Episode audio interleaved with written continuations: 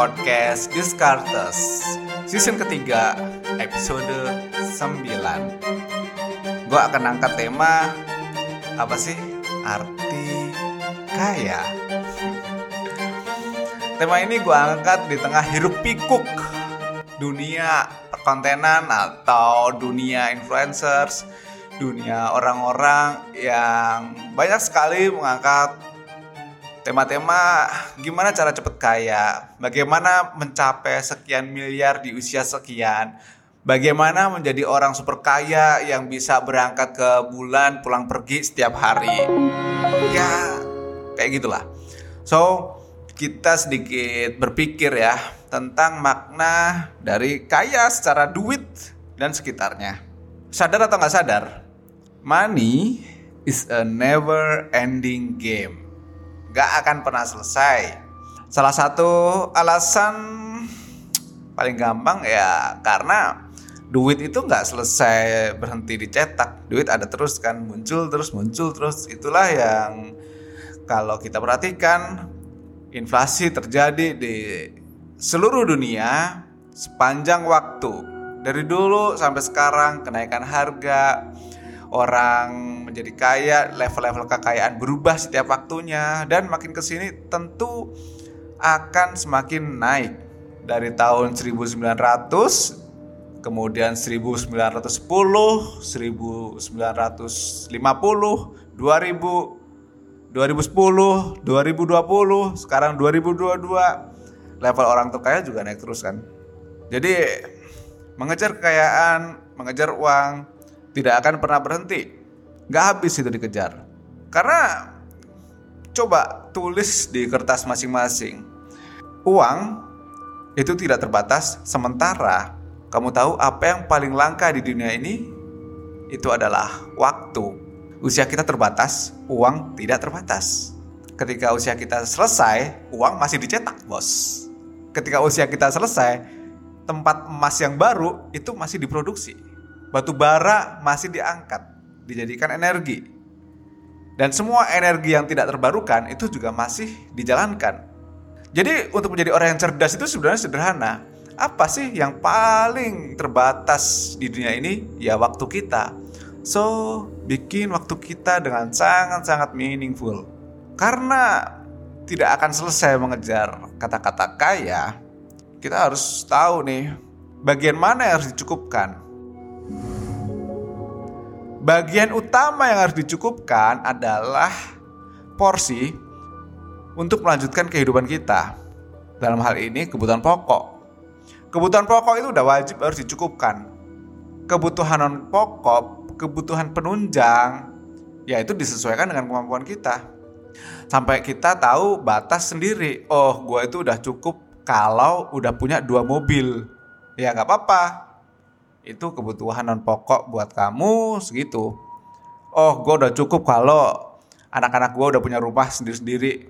Gue bikinin satu-satu. Ya nggak apa-apa juga. Masing-masing orang memiliki batasan cukup yang berbeda-beda. Makanya belajar rasa cukup itu nggak perlu mengajarkan ke orang lain. Cukup kita aja yang tahu kan. Masing-masing punya level yang beda kok. Gue akan kasih ibarat dan contoh ya katakanlah ada makanan yang luar biasa banyak di seluruh dunia gitu kan. Tapi perut kita itu bisa memakan berapa banyak sih? Tapi perut teman kita itu bisa memakan berapa ber banyak sih? Beda-beda toh. Itulah kenapa rasa cukup kita makan berbeda dengan rasa cukup orang lain.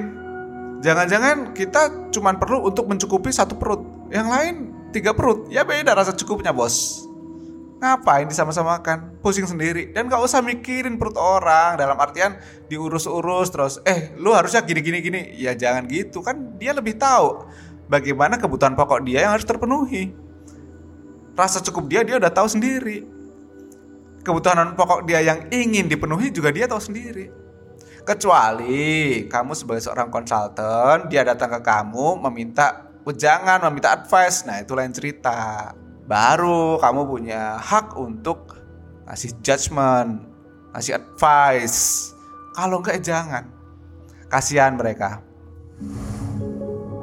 Meskipun konteks dari podcast ini adalah kita tahu di mana level cukup, Bukan berarti membuat statement bahwa kaya itu tidak penting. No, no.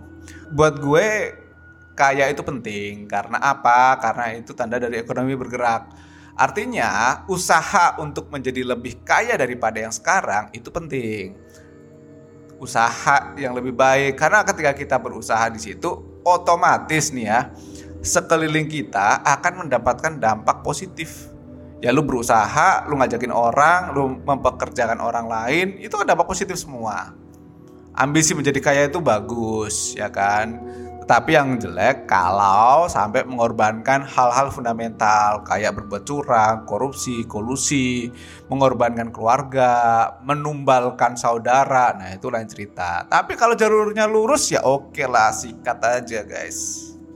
Jadi pada prinsipnya ketika kaya berarti memiliki lebih banyak dari orang lain, buat gue itu bukan goal karena nggak akan selesai. Selalu ada yang lebih gitu kan. Goalnya dalam konteks kaya adalah apa yang kita mau itu termampukan ya.